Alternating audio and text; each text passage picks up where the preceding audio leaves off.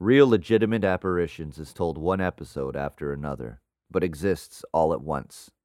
Headphones recommended. Episode 5 starts now. The following was recorded on November 25th and 26th, 2015.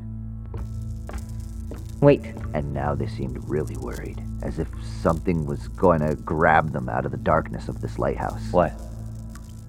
I've never seen anything beyond this point. Hey, it's okay. We'll, we'll figure it out together. I feel like there's a lot of things I have to tell you. Let's go. Neff went to the shut red door, turned the handle, and tried to push it open, but it wouldn't budge. They knocked on the door, Hello? Murphy? We're ready to come out. and then a voice came from the other side of the door. Murphy can't open the door right now, Neff. Tom, open the door. I'm sorry, Dylan. I can't let you or Neff out. Why not? I'm waiting for reinforcements. Why? Because thanks to you, Dylan, I found exactly who I've been looking for. Neff turned to me and a kind of sad realization crossed their face. Tom, what are you talking about? Who is Tom? Let us out. I can't do that right now, Dill. What's this about? Let's talk. Oh, we'll talk, Dylan. We're gonna finally talk to each other honestly. Then let us out. Not when it's two against one. Where's Murphy? He's here. He's just out of it. Had a few too many gummy bears. Tom, come on, I'm your boss. Haunt Force isn't real, Dylan. You know that. Who is he? He's my coworker. Obviously, he's not who you think he is. I don't get it. Dylan, there are people out there who know exactly what it is we can do, and they want to find us and stop us. And if this Tom guy is one of those people, then you have brought a psychopath, and probably an abductor, and maybe a murderer with you today. No, Tom of Tom is whatever he wants you to think he is. How did you meet him? He called me when I posted a job. He called you? And you hired him? Yes. Who the fuck would want to work for a ghost catching business? Dylan, he knows who your dad is. He must. This was getting more and more overwhelming. I hammered the door with my fist. Tom, let us out right now. Tom! If he's waiting for the others, they will come and take us away. Why? Because they think we shouldn't have movements. I don't know. These people are insane. But I know Tom. then why is he doing Tom! Let us out! Dylan, you have to have a movement. What? We can get out of here, but you have to do it. How? By looking ahead and doing what you'll do. How is that possible? Have a movement and see your future, and your future will tell us how we get out. I can't. That's. Why can't you? Because, Dylan, I don't know what's gonna happen to me. Never let these people take you alive, okay? They will destroy you and use you to get to the rest of us. That doesn't answer my question. If you have a movement and aim forward to a future in which you don't exist, then you die. I haven't seen anything beyond this, so I don't know that I'll make it. yeah, but exactly. You don't know. But you have seen your future. You know that you live longer than this. How? You're fucking killing me, man. Because you've seen your future at Mrs. Truco's place. You've seen it at Misha's place. How do you know that? Because I sent you there. I told them to call you. You did? I have been trying to get you to understand who you are for years, Dylan. As soon as I finished the movement years ago to see you find that paper under that floorboard, I had to get you, force you into this space and into your own movement for your dad. He saved my life. So now you want me to have movement upwards or whatever in case I might tell us how to get out of here? Yes, This seemed totally insane. If Neff was right and Thomas had used me to get to them, and there were people on their way here to abduct us both, then definitely it wasn't the best time to be going into a movement or whatever, and then probably also a seizure. But at the same time, if I believed everything Neff had told me so far, why would I stop now? But on the other hand, what if I didn't believe Neff and all this crap was all bullshit and there wasn't even such a thing as a movement and fucking time travel and nothing in the world was different than I thought it was yesterday? But there was a whole slew of problems with that. One was, for example, that Thomas Bracknell was holding us inside this fucking lighthouse, and why would he be doing that other than for the reasons that Neff was telling me? Dylan, say your words. Words. The Latin. The Latin. Yeah. Hold tight, guys. Come It'll on. be over soon. Yeah. Cerberus, curator of Silenti, Xenophasmatis Vinir contra mihi. But I knew it wouldn't work. Phasmatis, radix quad causa vita. Because while my mind was definitely firing on all cylinders, Modo adios suffragium. I couldn't focus. Mihi in mus negotium. My mind uh, kept flying from one image to the next. Gratius ago vos Cerberus. People running across Toronto Island to help Tom capture us. Silenti et transio. Neff trying for years to get me to come to this lighthouse. Gratius ago phos phasmatis. Tom working alongside me only to find Neff. Pro iunctio mihi in mus. my dad, for the first time in decades, looking into my eyes. I can't. It's not working. Dylan, please. Hi. Thanks for coming. I can't. I can't. You're in here. Okay? I can't do this. You have to. No, I don't have to do anything. You've been messing with me for too long. Everything's gotten worse and worse and worse. So it was your fault all along. What? Oh, that's funny. I worked for so long to help you, There's two of them in there? and you're the one who ends it all for me. Dylan and Nathan's friend Neff. No. I'm sorry. He knows? Maybe there's another way. Yeah. I thought you might be a fraction as awesome as your dad. Let's go. Wait, Neff, I hope Nathan's right, I'll go for Dylan. and I'll be seeing you again soon. what are you doing? Aiming up.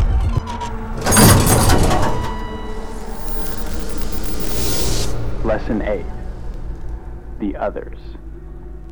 You and I, and those of us who have these experiences, aren't the only ones who know about temporal superposition and movements. The others understand that if we wanted to, we could form the world that we live in. They murder us. They follow us.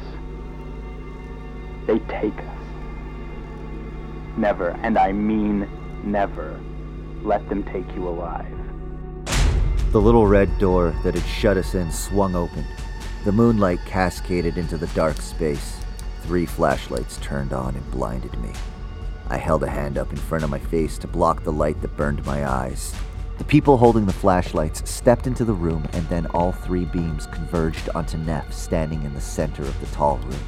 Neff looked at me, their face filled with sadness and rage and pride and peace, and said, Close every circle. And then Neff closed their eyes, relaxed their shoulders, tilted their head back. People experience their seizures in different ways. I smell metal, feel hot, become confused.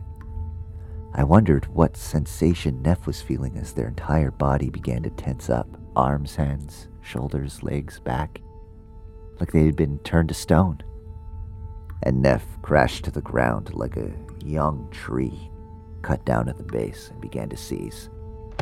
Their muscles violently contracting, jolting their body in different directions. Save them! Thomas's voice bounced off the hundreds of rocks that made up the 80 foot high walls. The two new men stepped forward towards Neff and knelt down beside their seasoned body. I tore my eyes away from what I had done and looked through my fingers towards the flashlight held by Tom. Tom, what's happening? Don't worry, Dylan. Everything is gonna be fine. We have a safe place to take you. Take me? It's gonna be okay. What's going on? Just calm down. I looked back at Neff lying on the ground. My eyes were beginning to adjust. The two men had rolled them onto their side. Neff had stopped convulsing. Their body was now still. Is Neff okay? Hey, Dylan, Dylan, calm down. Stay away from me. I think Neff was sending clients to Haunt Force. I thought you said Haunt Force wasn't real. Dylan, we got a place where you can figure out everything on your own time. Neff is dead. Fuck! The two men stood up, leaving the body on the ground, and turned towards me. One of them shone their light at me, the other towards Thomas, illuminating his face. Dylan, hey, it's been a wild night. You've been through a lot. Let's go and get you cleaned up, okay? No, Look, it's okay. We have a place where you can make sense of all of I just want to go home. Silence filled the room. The three men stood facing me. I could see Neff's unmoving body behind them. I knew they wouldn't take me home. We got somewhere better. I saw the way he was looking at me. I'd seen that look before. First, when we were at Mrs. Truco's. Thank you. Thank you. I looked to Thomas. He was smiling, but his eyes told a different story. He looked confused, serious, nervous. And then, in Misha's bathroom, when I was lying in the bathtub looking up at Rachel and Misha and Desmond, Tom was glaring at me from the doorway. And then I thought back to when Tom had asked that rando question to Raymond in the little apartment. What do you know about temporal superposition? Tempo. What? What? I have epilepsy too. So did your dad. And we saw things. We experienced temporal superposition. And I realized that from the beginning, Thomas had been manipulating me, using me. Come with us now, and it'll be easier for everyone. In fact, he hated me. As I looked back at Thomas and his fake smile and his hate filled eyes, I began to smell metal, blood. I began to get hot. I closed my eyes. Don't let him go! For the second time tonight, I heard the music. I opened my eyes and the world pulsed in and out. There was both three people in front of me and no one at all. It was both the dead of night and day. The two men outstretched their hands to grab me. My eyes flipped towards Tom, whose face was now filled with fear. My right foot took a step back and I spun quickly and smoothly away from the men. My left hand extended towards a rock in the wall and clasped it. It happened to be loose. It also happened to be both covered in some kind of dark coating and not. I withdrew it from the wall and continued my spin all the way around. One of the men crashed into my abdomen with all of his weight. Before I had even registered the impact, I had brought the rock down on top of the man's head. As I hit the wooden floorboards, the weight of the man's unconscious body landed on top of me. I tossed the rock into the air with my left hand and caught it with my right, which was a good thing because I realized that as I did so, the other man had lunged for where the rock had just been. As soon as he realized the rock had switched hands, he pinned my left hand down with his right. I had expected my right hand to swing the rock down on his head, but it didn't. It stayed motionless, holding the rock tightly, which was a good thing because the man had swung his left arm up to defend the rock hit that never came. Then I tossed the rock in the air with my right hand over the man's head, which was a good thing because he lunged with both hands for my right hand, where the rock had just been. And as soon as my left hand caught the rock, it drove it into the side of the man's head, and I watched as the rock connected with the man's temple, where it came at a painful stop and swung through the empty air. The man collapsed on top of me. My arms pushed off the two men who lay on top of me. I stood up and looked towards the space, which had both Tom pointing his flashlight at me and nothing at all. Dylan! See? You didn't have to do that! Come with me, and we can protect you from yourself! I paused and then said, Get out of here. Run away, Tom. I don't want to see you around here again, and if I do, I'll kill you. My head turned to see one of the men stirring. My legs ran towards him, and my arm brought down the rock and missed his head. I tried again and missed again. What was going on? On the third try, I found his head and brought down the rock again and again. My body crawled to the other man and dropped the rock into his skull once, twice, three times. I felt the hot blood on my hands and face. Look at what you're becoming! Call me. You know my number. And he turned around, walked out of the door, and closed it behind him. As soon as he disappeared, I collapsed and seized the way Neff had moments ago, and joined the other three bodies in the dark on the floor of the lighthouse.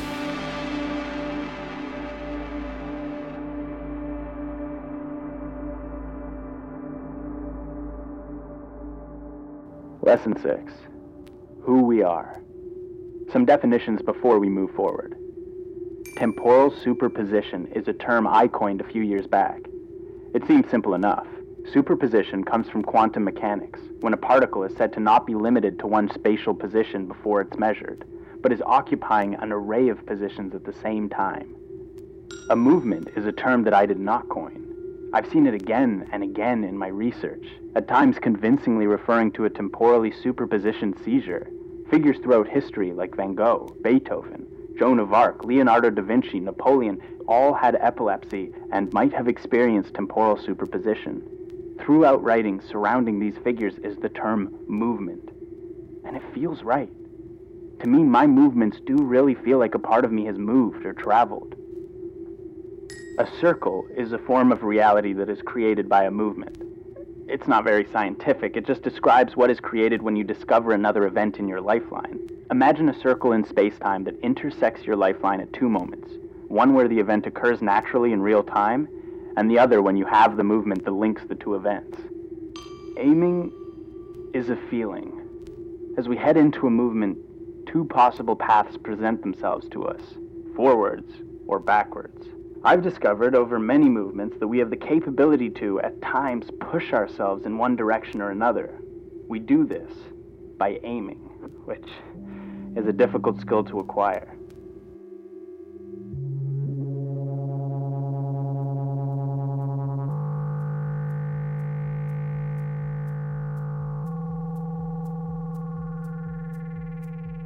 I don't know what's true or not. I don't know if anyone knows what's true or not. And then if nobody knows what's true, then what's even the point? Should we try and struggle towards something that we will never get to, that our minds could never understand? I feel like truth is like memory. Like when you remember something, you can never truly picture it completely. You can see parts of it, little shimmers. And you can't even be sure that those bits you can see were ever really there. And then you realize, if you're thinking about a more distant memory, that it's almost as if you're picturing an event that someone else experienced. Like, as if you're imagining a story someone told you. This is different from like factual memory, like the fact that you were somewhere at some time, or, or like the address you had growing up, or say your 15th birthday, or 20th, or 30th. I don't know how old you are. Uh, one you can remember.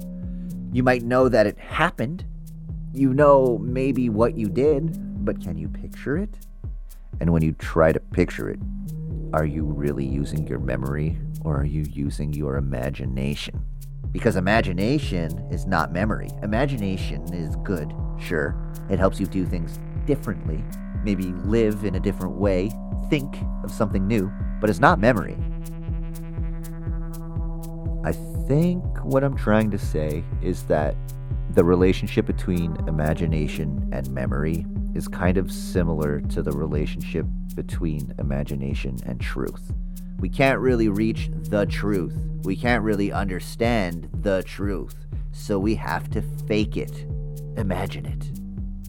So then, I guess everyone can believe in whatever they want if it doesn't hurt those around them. Because whatever truth anyone comes up with is more of a decision on a certain imagined truth than anything like real truth, anyway. What if the truth you decide to believe in directly affects every aspect of your life and every action you make? Then maybe you can't just believe whatever.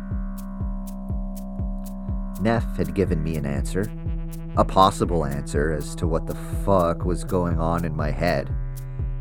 And not even a full answer, not even complete, just kind of a suggestion, along with a note from under a floorboard.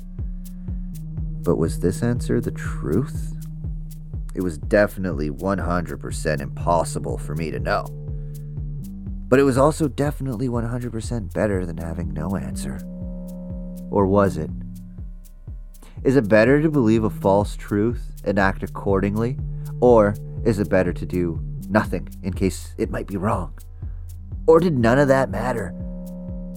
Is it best to actually act as if there is no truth and just do what makes you happy? Neff was dead. I checked.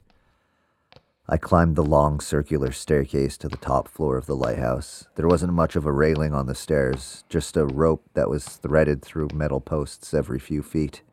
It was higher than I had thought.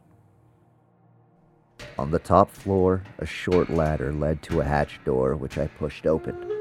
I climbed through the hatchway, out into the night air, and onto the cold metal walkway which surrounded the large glass cage. There was no light inside. On one side, to the north, the city of Toronto presented itself to me. Brilliant, shining, made up of millions of little lights. To my other side, the moon, perfectly round, bright white. The lake beneath it shimmered. The light from the moon cascaded over every surface. The trees beneath the lighthouse, the large patches of field on the island, my hands. And also out here, directly above me, were the stars. Little pinpricks, flickering. Little suggestions of great, billowing, explosive balls of heat billions of miles away. I took out the two notes I had received today. One that Neff had given me, outlining what I was thinking at the time, and the little folded note that I had found under the floorboard of the lighthouse that apparently my dad had put there decades ago, that I had seen him put there twice. It was written in the same unclear handwriting as the note I had found in my mailbox. Dylan, if you have come this far in the journey, then you have been through some confusing experiences. I am sorry. Space is a floor on which we all walk. The way we experience our lives is mysterious and is of great concern. I spent my life trying to discover. But once you shed your previous conceptions and establish a system to follow, you will find at least some clarity. I hope you find a clarity in an easier way, a less painful way than I did. Clarity is in a lockbox. Let me help you find the key. There is a reason for everything, Dylan. A reason to keep going, to never give up. During movements, we conquer the mental trap of time. The true goal is to conquer the mental trap of space. Every movement creates a circle. Close every circle. If we succeed, we will see each other again, wherever our paths have crossed, forever. I love you, and I'm so sorry. Dad. I looked at the white moon and the twinkling stars and the glowing city, and it struck me how wild it was that a group of little humans with no ability to recognize any truth had somehow banded together and built a city, a city that shone its own light back into the universe to rival the moon and the stars. And I knew it didn't matter what truth I chose to believe in. It was the decision to choose a truth that mattered, and to act on it. So I buried the bodies. I found Murphy collapsed against a tree on the outskirts of the clearing. He had his large backpack strapped to him. Inside was the wrench he had used to open the lighthouse door, some City of Toronto safety markers, a toolkit, and a small shovel. I dragged the bodies of Neff and Tom's two men out of the lighthouse, across the clearing, and into the brush. Murphy, too. I buried them as deep as I could, which wasn't very much. There was a network of tree roots a foot or two down. I knew they would be found eventually. I just had to buy myself time. I unfolded my dad's note again. During movements, we conquer the mental trap of time. Every movement creates a circle. Close every circle. And I thought back to what Neff had said. Dylan, you have to have a movement. What? We can get out of here, but you have to do it. How? By looking ahead and doing what you'll do. How is that possible? Have a movement and see your future, and your future will tell us how we get out. I can't. That's. Close every circle. I went back into the lighthouse and found the rock I had used on the two men. Their dark blood was caked on it. I tossed it up in the air with one hand and caught it with the other. It was heavy, unbalanced. My grip felt clumsy. I tried to remember the movements of the men as they lunged at me. I spun, grabbed the rock, and then he tackled me. And then I hit him on the head. It had all happened too fast. I tried to quickly spin on the spot and then toss the rock, and I, I practically fell over. I didn't want to practice in the space where I had been attacked, in case, I don't know, I'd mess it up for my past self. So I took the rock outside into the clearing. The hue of the night sky was beginning to shift from black to purple. Spin. Rock out of wall. Spin back. Tackle comes. Rock to one head. Fall. Toss the rock from left to right, then right to left, then rock to the other head. Again. Spin, rock, spin, tackle, uh. head. Fall, toss right, toss left, head. Spin, rock, spin, tackle, head. Fall, toss right, toss left, head. The sky shifted from purple to yellow. Spin, uh. rock, spin, tackle, uh. head. Fall, toss right, toss left, head. The birds began to chirp. Spin, rock, spin, tackle, head. Fall, toss right, toss left, head. Once I felt I could complete the sequence near enough to the pace I remembered, or should I say, imagined, the attack happening, I went back into the lighthouse. By now, I was sweaty, smelly. I came to the place where the two tall men had attacked me and slid the rock back into its place in the wall. I took a breath. I looked into the empty space where a few hours ago they had stood, and then to the spot closer to the door where Thomas had been, and then to the spot where Neff lay lifeless on the ground. Pictured them in my mind, remembered them, imagined them. The two men lunged. Spin, rock, spin, tackle, head. Fall, toss right, toss left, head. And then I pushed away the two bodies on top of me, the two bodies that were now buried in the brush nearby. I stared into the place where Thomas had stood. I hadn't practiced this part. I pictured him speaking, but what had he said? I couldn't really remember. My mind had been reeling from what I had just done, and I had said something back, but what was it? I had said it around this moment, but what was it? I breathed in and opened my mouth and hoped something coherent would come out. Get out of here. Run away, Tom. I don't want to see you around here again, and if I do, I'll kill you. But I knew I wasn't done. I walked to the two men laying on the floor and slammed the rock into the wood floor. I slammed it twice in different places, making sure I found his head. On the third slam, I remembered that this one had connected with his head. Another few hits, and I moved on to the second man. This is when Tom had left and when I had begun my seizure. So.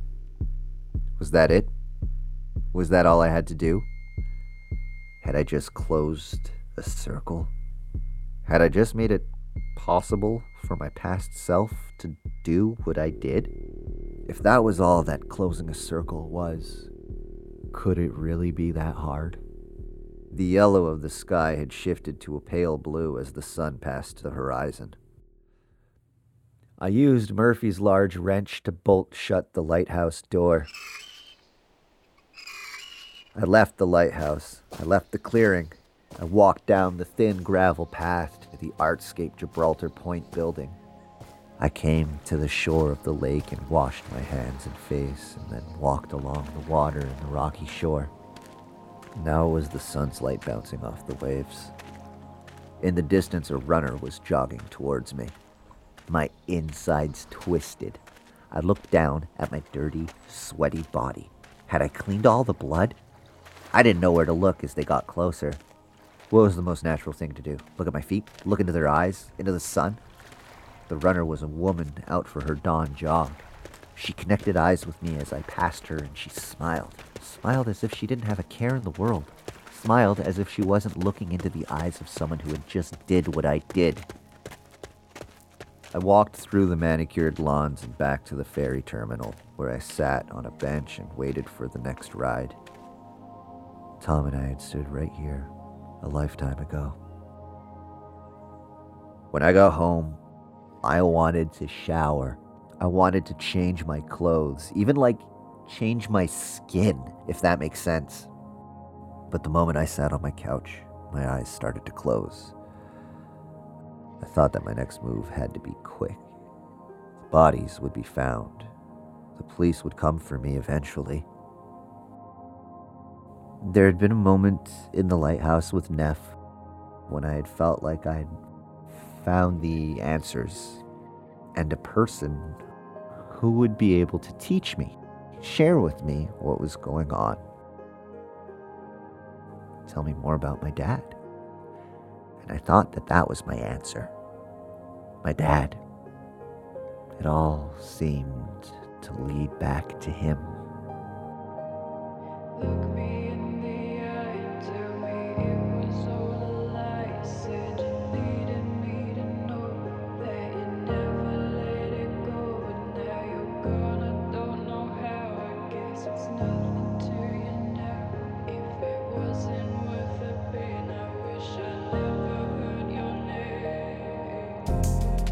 You can follow this story on Instagram and Twitter with at RLA Series. Please consider visiting patreon.com slash RLA Series to support the show and reviewing it on your favorite podcast app. Thank you for listening.